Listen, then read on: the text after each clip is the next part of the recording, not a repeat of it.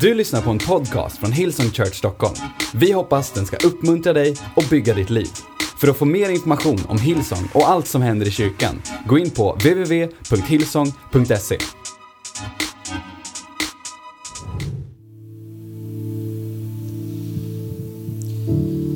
Jag har vuxit upp i en starkt troende muslimsk familj i Iran som är en muslimsk stat. För vår familj var islam den enda religionen också även i hela vårt land. Min pappa tyckte att vår, vi behöver be och läsa Koranen ofta och vi behövde självklart använda hijab. Det vill säga de kläder som krävs av en muslim. Vi hade en bra familj, men jag tyckte ändå att det måste finnas någonting mer. Jag kände en stor tomhet insidan. När jag var 19 år gammal arbetade jag på radio och tv. Jag hade där en kollega som var väldigt annorlunda mot alla andra. Han såg inte ut som alla andra män och han var alltid väldigt lugn och glad. Jag hade aldrig förutsett sådan glädje hos en människa, men jag hatade honom. Jag var så arg på honom, han var kristen.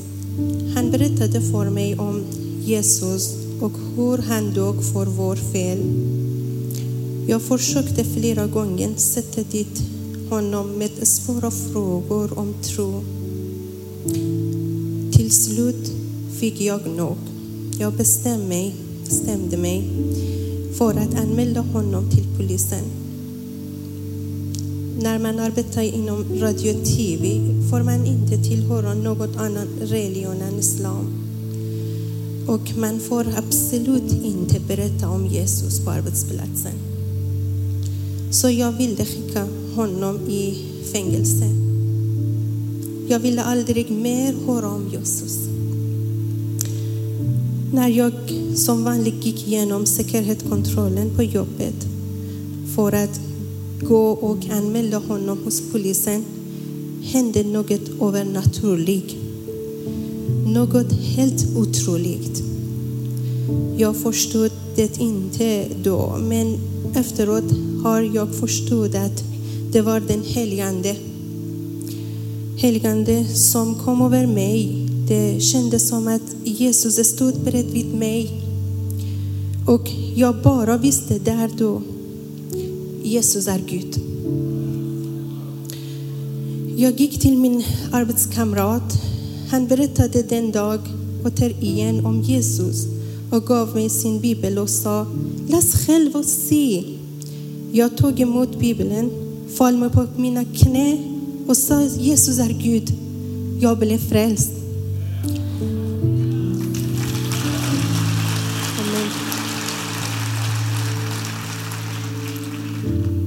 Den dagen var jag som en ny person. Den största skillnaden var jag att inte känna mig ensam längre. Jag visste att Jesus var med, med mig. Efter tre månader berättade en av mina kollegor för min familj att jag blev frälst, blivit frälst. De hade undrat varför jag hade varit ovanligt glad och lugn de senaste månaderna och nu fick de svar, helt tydlig. Men min pappa blev inte glad när han fick veta. Han slog och slog på mig under tre dagar. Men jag vägrade avsäga mig min tro och blev muslim igen. Under två år försökte han få mig att ändra min religion. Min familj stötte ut mig. Jag bodde hemma, men ingen i släkten ville prata med mig på grund av min tro. En dag sa min pappa att han skulle döda mig nästa dag om jag inte blev muslim igen. Jag var så rädd. Och bad till Gud och jag hörde jättetydligt detta ord. Du kommer inte förlora ett enda hårstrå från ditt ord. Min pappa ringde till en hög uppsatt andlig ledare och fick godkänt att döda mig utan att bli straffad. Han misshandlade mig sen under fyra timmar. Han försökte skära min handled med en kniv. Men repen han band mig med bara glädje av. Han försökte bränna in alla i min panna med en brännpenna. Men pennan var kallt mot min panna medan min pappa brände sig. Han slog mig i huvudet mot en vägg många gånger. Han hängde mig upp och ner i taket och slog mig om och om igen tills man inte kunde känna igen mig. Han blev så trött att han inte orkade fortsätta. Han lyckades inte döda mig. Jesus räddade mig.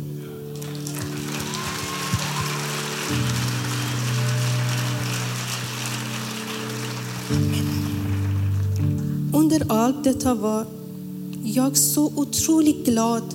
Jag visste inte varför, men jag var så glad. Jag har aldrig efter det varit så glad. Jag hörde lovsången på insidan av mig och sjöng. Och sjöng igen och igen. Jesus var med mig. Min pappa hade inte lyckats döda mig, så han tänkte istället försöka gifta bort mig med en muslimsk man. Det blev inte så han tänkt. Min präst i den eh, underjordiska kyrkan i Iran berättade om en ung man som han tyckte jag bodde gifta med mig. Hans familj var muslims, men han var kristen precis som jag. Vi träffade bara två gånger innan vi gifte oss, men vi kände båda att det här är rätt.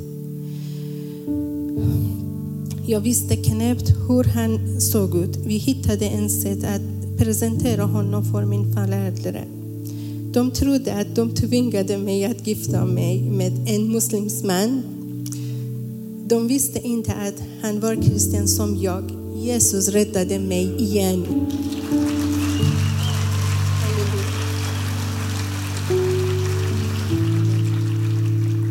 Jag som tidigare planerat att bli ledare för kvinnor i moské läste nu teologi och jag och blev båda avskilda präster i kyrkan. Jag älskade vårt liv. Jag älskade att arbeta som präst.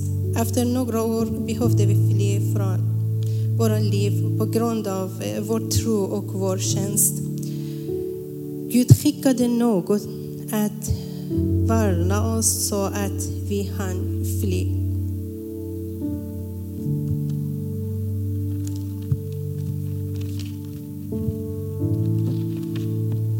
Jesus räddade oss.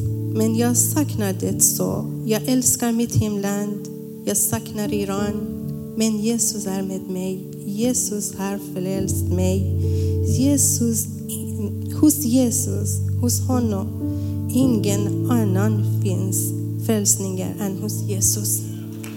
Jesus bredvid mig.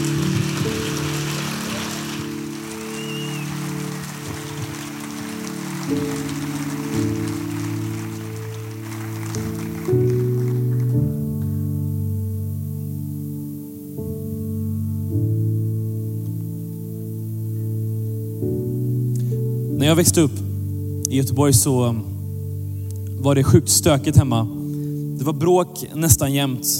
Det fanns inte en dag där det inte var bråk hemma mellan mig och pappa eller med, mellan mamma och pappa. Och när pappa blev arg så krossades tallrikar, bord vältes och ord sa som han sen önskade att han kunde ta tillbaka. Och mamma och pappa skrek på varandra nästan varje dag. Det kändes hotfullt att vara hemma, det kändes hotfullt att vara, var med mamma och pappa. Jag kommer ihåg hur jag en gång satt under ett bord och jag sa till Gud att Gud, om bara pappa inte fanns så skulle allting vara bra. Pappa var en sån riktigt tuff latinopappa. Han hade ett hett temperament, han ställde höga krav, betygen skulle vara bra, sporten skulle vara bra, skulle bli fotbollsspelare, allt det där, tjäna pengar till familjen. Han älskade oss barn. Jag vet att han älskade oss barn, men han fick det inte att funka hemma. Han fick det inte att funka med familjen, han fick inte det att funka med mamma eller mig eller med någon av oss. Och det, grejen var att pappa mådde inte bra. Pappa mådde inte bra själv och det påverkade oss andra. Men var det en sak som jag älskade med hemma så var det att mamma höll oss alltid nära Gud. Varje kväll så läste hon barnens bibel för oss, varje kväll så bad hon med oss, varje kväll så höll hon oss nära Gud. Eller varje dag. Och en dag så hittade vår familj en, en kyrka i Göteborg som vi började gå till, som vi började gilla för att det var lite mer så latino fire. Um, vi började älska den kyrkan, vi började gå till den kyrkan och jag började älska Jesus. Jag började älska att gå till ungdomsarbetet, jag började älska och, och hänga med Jesus och hänga med vännerna som var där i kyrkan. För att om det var någonting som Jesus var, så var det allt det där som jag inte hade hemma. Han var min trygghet, han var min säkerhet, han var den där jag fick kärlek ifrån, han var den som jag kunde, kunde be till, fråga saker. Det där som jag inte hade hemma. Och han förvandlade mitt liv under den perioden. Men hemma fortsatte kaoset. Pappa mådde sämre och sämre, han blev arbetslös, han tog ut över mamma, över vår familj. Och våra största familjebråk tystades ofta utanför kyrkan på parkeringen. Vi kom in där, jag hade byxorna uppknäppt till naveln och jag hade skjorta nedstucken i, i byxorna och jag hade vattenkammat hår. Och vi gick in där och låtsades vara den perfekta familjen. Alla trodde att vi var den perfekta familjen i kyrkan. Jag var, jag var trött på det där. Det kändes som att jag levde ett falskt liv. Det kändes som att allt det där som vi hörde i kyrkan, allt det där som Jesus skulle vara för alla andra, det var som att Jesus inte, inte kunde hela vår familj. Och jag blev trött på det. Så till slut så sa jag till Gud att Gud, om inte du kan fixa min familj, om inte du kan hela min pappa, så vill inte jag ha med det att göra. Och när jag var 16 år så lämnade jag kyrkan bakom mig. Jag gick därifrån och jag blev ihop med en, en tjej som höll på med new age. Och allt det där gjorde att jag började dras ifrån den barndomstro som jag hade växt upp med. Jag började tro att Gud var en kosmisk kraft som, som var som vilken annan religion som helst. Och det var kaos på insidan. Och jag gick utanför mina gränser och gjorde fler och fler saker som egentligen jag inte ville göra. Allt för att få uppmärksamhet och allt var egentligen bara puckade saker. Och efter många om och men, en dag när jag är 18 år, efter att ha gjort mycket, mycket grejer så ligger jag i min säng och jag läser en, en fantasyserie som heter Narnia. Jag är inne på den sista boken och i den boken så kommer Aslan som representerar Jesus. Han kommer och stoppar ett stort slag och när han har gjort det så drar han upp en dörr i mitten på ett fält och så säger han till alla som har varit i det här slaget, det där kriget i den här fantasyboken. Säger han så att ni som följt mig och ni som älskar mig, gå genom den här dörren så ska ni få komma till himlen med mig och folk, folk och djur och allt möjligt i den här fantasyboken. De springer igenom den här och är glada att se Aslan. Men så står det att det fanns några människor, det fanns några talande djur som såg på Aslan med förakt. Och de gick åt vänster, ut i mörkret och det står att de blev själlösa djur. Och där och då så sa Gud till mig, ikväll behöver du välja om du vill gå med mig eller om du vill bli ett själlöst djur. Och den kvällen, utan lovsångsband, utan lampor, utan bönekort, så mötte jag Gud och Gud sa, ikväll måste du välja. Och jag gick ner på mina knän som 18-åring och jag sa till Gud, Gud, om du vill ha tillbaka mig så ger jag dig allt. Om du vill ha med mig att göra igen, om du vill ha en plan för mitt liv så ger jag dig allt. Gråtande så gav jag mitt liv till Gud på mina knän den kvällen och sedan dess har mitt liv aldrig varit detsamma. I kyrkan så träffade jag en fantastisk tjej senare som fick mig att växa och efter ett tag så blev vi också ett par och idag är hon min fru. Och tillsammans så började vi hjälpa till i ungdomsarbetet och jag älskade, att brinna, jag älskade för att leva för ungdomar och ge vidare det som Gud hade gett in i mitt liv. Men trots det så var kaoset med pappa inte över. Den dag vi skulle gifta oss så berättade jag för min pappa att jag ville byta efternamn. Och det säger man till latinopappa, då är det kört. Han började förbanna oss. Han började skicka, eh, skicka förbannelser över oss och berätta för oss om hur allting skulle gå dåligt, hur vi skulle skilja oss, hur vi skulle få sjuka barn och han förbannade oss. Och jag sa, jag vill inte ha med det att göra. Jag vill inte ha med det att göra och vi hördes inte på ett år. Jag hörde inte av mig, påsk, jul, ingenting. Och en dag i kyrkan, som här, så säger Gud till mig, idag vill jag att du ringer din pappa och säger till honom att du vill börja fixa en relation som är trasig. Och jag sa, Gud, jag går inte med på det. Ett möte till i samma lovsång, i samma situation säger Gud, ring din pappa så ska jag fixa det som är trasigt. Vem tror du sitter längst bak? I våran kyrka, han gillar inte ens att gå till våran kyrka. Där sitter min pappa och Gud sa, varsågod. Jag gick fram till honom hör och häpna, jag sa förlåt för allting jag hade gjort. Var det någonting som Gud lärde mig den dagen så var det att han kan fixa allt. Vilken storm du än går igenom, vilket kaos som ens finns i ditt liv, så kommer han att fixa allting. Och sann frihet, sann frihet finns inte ute i världen. Sann frihet finns inte att hitta utanför, utan den finns på insidan och den hittar du med Gud.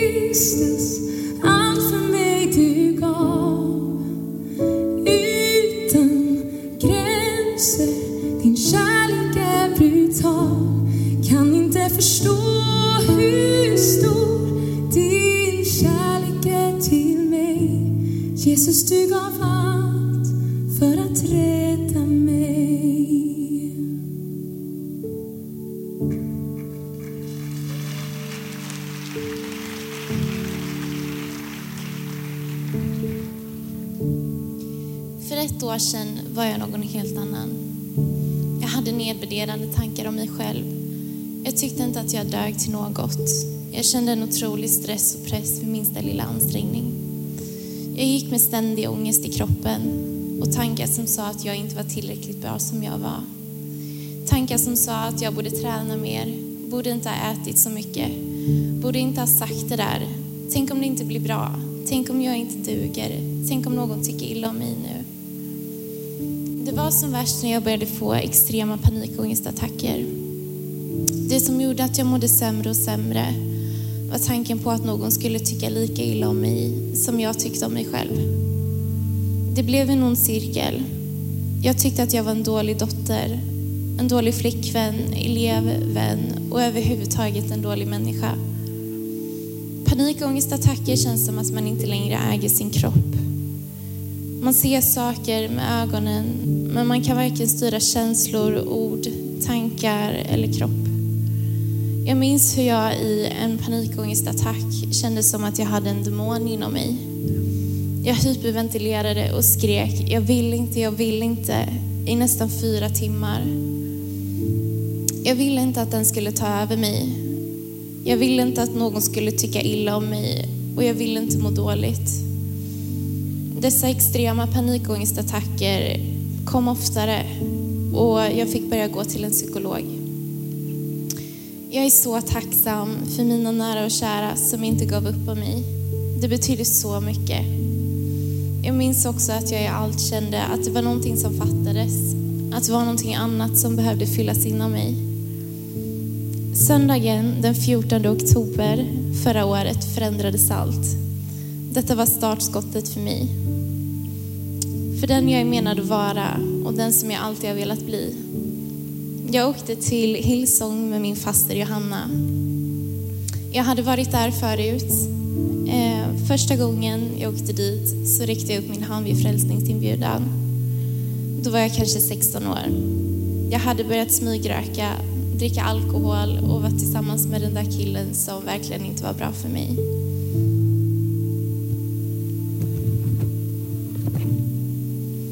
Jag har alltid trott på Gud och alltid bett och vetat att jag behöver Gud i mitt liv, men jag har aldrig tillåtit det fullt ut. Jag lät det rinna ut i sanden. Jag fortsatte röka, festa och umgås med väldigt fel folk. Men det var då. Söndagen den 14 oktober 2018 var något helt annat. Jag kom dit med massor av ångest i en ryggsäck, en väldigt destruktiv relation till mig själv vetskapen om att min mamma hade fått cancer och en väldigt trasig relation med min pappa. Vad som hände var helt otroligt. Samma sekund som jag klev innanför dörrarna till kyrkan så kändes det som att någon tog av mig den där ryggsäcken. För första gången i livet så kände jag en frid inombords som jag aldrig tidigare hade känt. Jag hade gråten i halsen hela vägen in till mötet. Vid andra lovsången så gick det inte längre. Jag grät. Mest för att jag kände att det var precis det här jag behövde just nu. Jag kände att äntligen har jag hittat hem och äntligen får jag känna frid. Hela bussresan hem till Jönköping lyssnade jag på lovsång och insåg att det är ju precis det här som har fattats. Det finns bara en som kan fylla det här tomrummet som jag har känt så länge. Och det var Gud och hans kärlek. Sedan den dagen har jag inte haft någon ångest och inte en enda panikattack.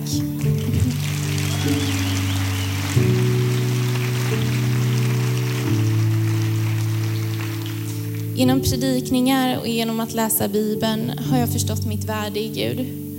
Att han som skapade mig kan göra mig hel. Att han har skapat mig till att vara precis så som jag är och att jag alltid duger. Att det finns en plan med mitt liv och att han inte har tagit mig så här långt för att överge mig. Att jag är älskad, värdefull och har ett fantastiskt liv framför mig. Jag känner starkare än jag någonsin har känt någonting att jag vill dela mitt liv med Gud och att jag litar på Gud till 100 procent. Jag behöver Gud i mitt liv för att inte känna den typen av ångest som jag burit på innan. Jag behöver Gud i mitt liv för att vara en bra dotter, en bra vän och en bra medmänniska. Jag behöver Gud i mitt liv. Jag har aldrig varit mer säker på någonting annat. Idag är en annan milstolpe eftersom jag döpte mig idag och har lämnat det gamla livet bakom mig.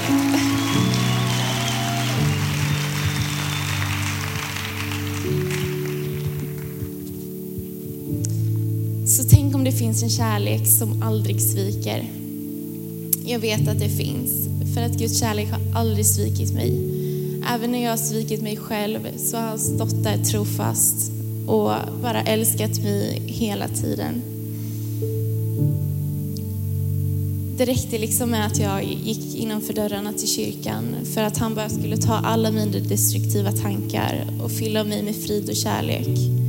Jag är inte mina misstag. Guds kärlek till mig är så mycket större än så.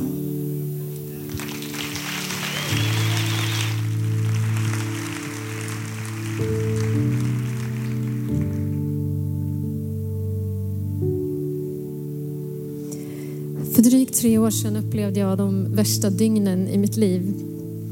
Ända sedan den dag då Jesus flyttade in i mitt hjärta har jag verkligen trott att han alltid är med mig. Jag har trott på bönens kraft och jag har trott på mirakler. Jag har också upplevt att Gud har varit med mig i livet. Han har välsignat mig med ett fantastiskt liv, med en fantastisk familj, en man och tre underbara barn. Jag och min man Anders träffades i kyrkan och jag var så tacksam att vi båda hade samma längtan i livet. Vi delade samma drömmar och jag upplevde att han var en gåva från himlen till mig. Anders jobbade som brandman. I början var jag orolig att det skulle hända något då han jobbade. Särskilt i de farliga miljöerna vid rökdykning i något eldhärjat hus. Men Anders berättade hur de alltid satte säkerheten först. Det gjorde mig trygg. Det och att jag visste att Gud ju är med oss. Men för drygt tre år sedan hände något som jag aldrig trodde kunde hända. Jag fick ett telefonsamtal från Anders jobb där hans chef ringde för att berätta att Anders hade varit med om en olycka. Han berättade att Anders hade blivit påkörd av en bil då han var ute och jobbade på ett larm. Och nu var han medvetslös och på väg in till sjukhuset. De bad mig åka in så fort jag kunde. Jag blev förstås orolig. Instinktivt reagerade jag med att be. Och jag hörde av mig till några vänner och familjen att be för Anders. Men samtidigt tänkte jag att det skulle gå bra. Är det någon som klarar vad som helst så var det Anders. På vägen till sjukhuset i bilen tänkte jag att jag hoppas jag hinner fram innan han vaknar upp för jag ville sitta där vid hans sida då han öppnar ögonen. Men vi fick vänta länge på att Anders skulle opereras. När jag till sist fick det första beskedet om läget från en ansvarig läkare så fick jag klart för mig att läget var mycket allvarligt. Ett och ett halvt dygn efter det där telefonsamtalet fick vi till slut beskedet. Jag glömmer det aldrig. Jag satt med armarna runt mina tre barn i det stora rummet där vi var samlade. Familj och vänner och kollegor. Läkaren sa under tårar, Anders är död. Jag hade då förstått att det var det hon skulle säga, men jag kände bara, jag vill inte. Jag vill inte vara med. Jag vill inte vara med om det här. Jag vill inte höra. Hur ska jag klara det? Hur ska vi klara oss nu? Och hur tänkte Gud? Vad ska jag säga till mina barn? Jag hade ju sagt att Gud skulle gripa in. Hur ska de klara sig utan sin fantastiska pappa? Och hur ska jag kunna fortsätta leva en enda dag till utan Anders som var mitt allt? Jag var nu änka och mina barn var faderlösa. Tiden som följde var minst sagt surrealistisk. Att komma hem utan Anders, jag hittar inga ord för att beskriva den känslan. Allt gjorde ont. Att se spår av honom överallt blev det dyrbaraste jag hade. Tvätten han hängt någon dag tidigare. Hans godispåse i ett skåp. Hans tröja blev det dyrbaraste jag ägde för en tid framåt. Men vår berättelse är allt annat än bara en smärtsam berättelse med ett sorgset slut. Det märkliga och det stora med den här händelsen skulle visa sig eh, att det fick mig att förstå på ett mycket djupare plan vem Jesus verkligen är. Att han verkligen är på riktigt. Att hans kärlek är som starkast och jag behövde det som mest.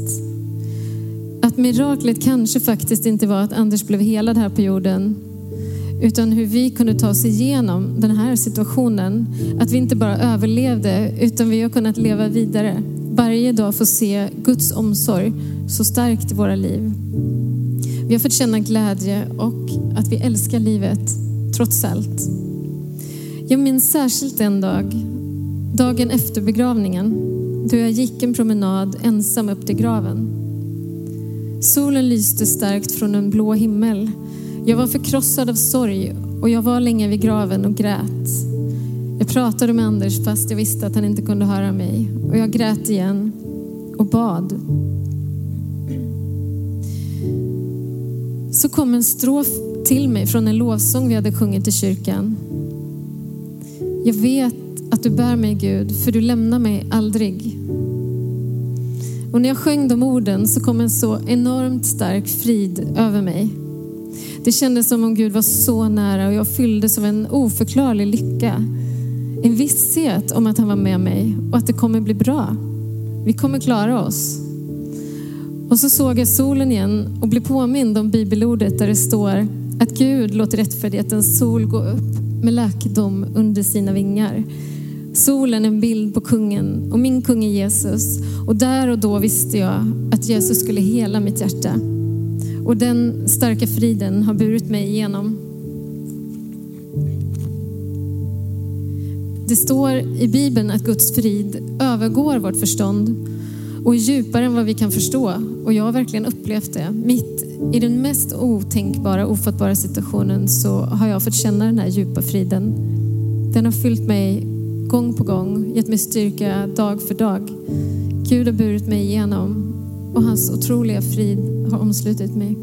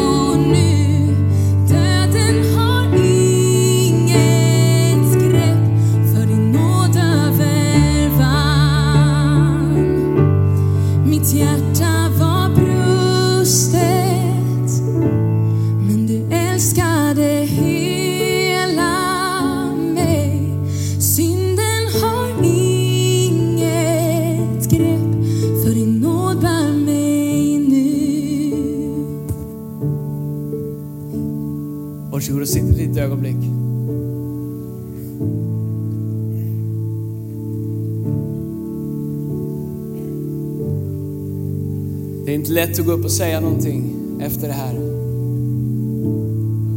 Helena och hennes familj som jag fått lära känna genom den här resan. Och Daniel som jag har sett växa upp och är väldigt stolt över. Och Emily som är min brorsdotter som bor hemma hos oss och praktiserar i kyrkan. Och Balsan som jag träffar idag första gången som en del av våra campus i Göteborg. Matteus evangelium kapitel 28, vers 1 så står det så här. I morgongryningen på första veckodagen efter sabbaten gick Maria från Magdalena och den andra Maria ut för att se på graven. Då blev det helt plötsligt en våldsam jordbävning. För en Herrens ängel steg ner från himlen och rullade undan stenen och satte sig på den. Hans ansikte lyste som blixten och hans kläder var vita som snö. Vakterna skakade skräckslagna för honom och låg där sedan som döda. Men ängeln talade till kvinnorna och, och sa, var inte rädda. Jag vet att ni söker Jesus som blev korsfäst. Han är inte här. Han har uppstått precis som han sa. Kom och se var han låg. Skynda er sedan och säg till hans lärjungar att han har uppstått från de döda och att han ska gå före dem till Galileen. Där ska de få se honom. Jag har sagt detta till er. Kvinnorna lämnade genast graven och uppskrämda men samtidigt glada och sprang för att berätta det för Jesu lärjungar. Men då kom plötsligt Jesus mot dem och hälsade på dem. Och de gick fram till honom, grep tag om hans fötter och tillbad honom. Men Jesus sa till dem, var inte rädda. Gå och säg till mina bröder att de ska ge sig av till Galileen. Där ska de få se mig.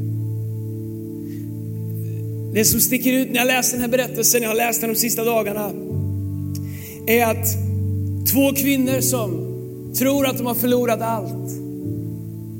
De hade följt Jesus. De hade varit där vid korset. När han dog, de hade sett honom de sista timmarna. De hade sett honom ta sitt sista andetag. De hade förlorat allt de hade hängt upp sitt liv på. Lärjungen hade sprungit åt sitt håll och gömt sig. Och kvar var bara vakuum. Han som skulle ställa allt till rätta. Han som skulle vara räddningen. Han som skulle göra skillnaden var borta. Hur kunde det gå så? Han skulle göra allting bra. Precis som livet är för oss. Hur kan det bli så? Gud skulle göra allting bra. Hur kan man bli slagen? Mer än vad som ska vara möjligt att bära för att man hittar han som är fri. Hur kan man gå igenom och förlorade något av det värdefullaste man har? När man tillsammans har valt att följa Jesus. Kvinnorna hade förlorat allt. Allt de hade satsat på, allt de hade hoppats på var borta. Och, och de går långsamt till graven. Och, och det står i Bibeln att helt plötsligt så kommer ett jordskalv, ett jordskred. En annan översättning pratar om att det är som en stor storm som kommer. Hela marken skakar och de som vaktar graven, man hade satt ut vakter vid graven för att se till att han verkligen stammade där fast man visste att han var död. De faller till marken. Men det man inte visste var att på andra sidan jordskalvet så var liv på väg att födas. Du förstår det där jordskalvet, det var inte ett jordskalv, det var inte en storm som var där för att sätta punkt. Utan stormen var där för att sätta startskottet för det som skulle bli den största uppståndelsen någonsin. Du förstår stormarna i våra liv, de är inte där alltid för att sätta punkt, de är där för att starta det som är den stora comebacken, den stora återlösningen, det första steget mot det som vi inte vågade hoppas på skulle ske. Kvinnorna gick inte dit för att, för att de hoppades att han skulle leva, de gick dit för att smörja hans döda kropp. Kan det vara så i ditt liv att den storm som du går igenom, som du tror är här för att göra slut på det en gång för alla, att det istället är så att det är startskottet för det som Gud har lovat. Att det som just nu verkar så mörkt, verkar så förvirrande, verkar så orättvist. Kan det vara så att om vi inser att de inte reagerar som soldaterna med rädsla, utan att det finns en Jesus som mitt i stormen bara har tre ord att säga. Var inte rädda, att stormen är här för att ta oss till ett liv som vi aldrig trodde fanns. Panikångesten var inte där för att ta koll på Emily. Panikångesten var ett verktyg som Gud använde. Det var inte Gud som gav den. Men Gud använde stormen för att visa sin trofasthet. Om du frågar Helena så är hennes bild av Gud mycket mer nu än vad det någonsin har varit. Var det Guds vilja? Absolut inte. Men du förstår, även i stormen så kan Gud verka på ett sätt som vi aldrig trodde var möjligt. Även i en storm där en pappa förbannar sin son på bröllopsdag. Så på andra sidan stormen finns det uppståndelse. Förstår vi har Jesus som vet hur man rullar undan stenen. Vi har en Jesus som vet hur man flyttar på det som står orubbligt mellan oss och det han har lovat oss. Och jag vet inte vilken sten som har, har rullats fram mellan dig och det Gud har lovat. Kanske du är här ikväll och du, du vet vad Gud har lovat, men det är som att det ligger en sten framför dig som inte går att rubba på. Det är som att det ligger en sten framför dig som du inte vet hur du ska ta dig runt eller ta dig över. Den ligger där och den blockerar varje möjlig ingång, varje möjlig framfart, varje möjlig väg framåt. Men tack gode Gud att vi har en Gud som använder stormar för att flytta stenar. Stormen som kom var inte här för att göra slut på dig. Stormen som kom är här för att flytta på stenen som försöker hindra din framtid. Därför att Bibeln säger att han är trofast, att han aldrig slutar. Han säger, even though we walk through the valley of shadow of death, he will not give up on us. Jesus har lovat många saker. Att han aldrig ska svika oss, att han aldrig ska överge oss, att han aldrig ska lämna oss. Men han har också sagt, i den här världen kommer ni få lida. Det är inget löfte vi säger så ofta. Men Jesus sa, i den här världen kommer ni få lida. Varför? För att den här världen är trasig. Det här skulle aldrig ha hänt. Men den här världen är trasig. När vi gick vår egen väg, inte de här men mänskligheten, då brast skapelsen och vi allihopa känner effekten av den. Men Jesus sa inte bara i den här världen kommer ni få lida. Han sa också, men var vid gott mod, för jag har övervunnit världen. Så han lurar oss inte in i ett bomullsliv som är helt utan kamp.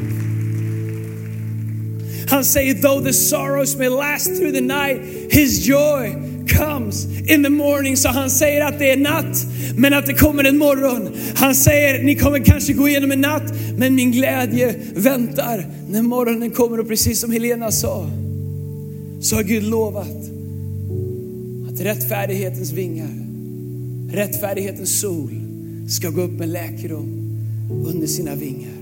Och så säger Bibeln att Gud är densamma för var och en. Det han gör för en, det gör han för alla. Så min fråga till oss här idag är, vilken sten behöver Gud rulla bort i ditt liv? Därför att den där stenen som rullades bort framför graven, det var inte bara en gång, det var inte en engångsföreteelse. Utan det var en sten som är representativ för alla stenar som någonsin kommer ligga i våran väg. Vilken sten ligger i vägen för ditt löfte? Vilken sten ligger i vägen för det som du väntar på? För en del av er är det kanske ett helande. För en del av er är det er psykiska ohälsa. För en del av er är det böner som ni har bett om, mirakel som ni har velat att Gud ska göra. Min vän, kanske är du bara en sten bort att den flyttas från att se vad Gud har lovat. Så vi har två val. Antingen lär vi oss leva bakom stenen i stängda graven. Krymper in till ett liv i mörker. Där vi slutar leva och om det går försöker att överleva. Eller så gör vi som Bibeln säger, att vi kan sätta vårt hopp till honom. Som vi sjöng tidigare här, på tredje dagen i gryningen, himmelens son uppstod igen. Och han uppstod inte bara där och då, han uppstod varje dag för varje människa, för varje situation. Så även för dig min vän. Han är en Gud som flyttar stenar.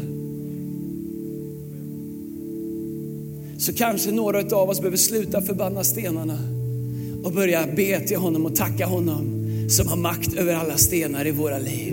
Kanske en del av oss behöver sluta förbanna stormen och tacka Gud för att han har startat det momentum, den processen som kommer leda till att nytt liv föds. Där ingenting är. Bibeln säger att Gud kan skapa någonting ur ingenting. Bibeln säger att ur aska kan Gud skapa skönhet. Bibeln säger att av det som vi säger är förlorat säger Gud att allting är vunnet. Bibeln säger att Gud letar efter det som ingenting är för att göra någonting så mäktigt och så stort så hela världen ser att det är han.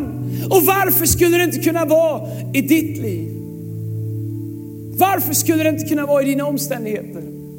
Vare sig du är här ikväll på Kina teatern eller du tittar via TV, via nätet, hur du än ser det. Gud är densamma säger Bibeln igår, idag och i all evighet. Och min vän, vem du än är, vart du än är, hur stor eller liten tro du än har, vart du än kommer ifrån, vart du än är på väg. Gud älskar dig. Gud är för dig. Gud gav sitt liv för dig. När han öppnade sin famn så var det för dig. Bibeln säger att hans famn är så vid att alla människor får plats där i. Så även du. Ska vi stå upp tillsammans i avslutning på det här mötet? Du har lyssnat till en podcast från Hillsong Church Stockholm. Om du vill veta mer om vår kyrka eller om våra söndagsmöten, surfa in på www.hillsong.se.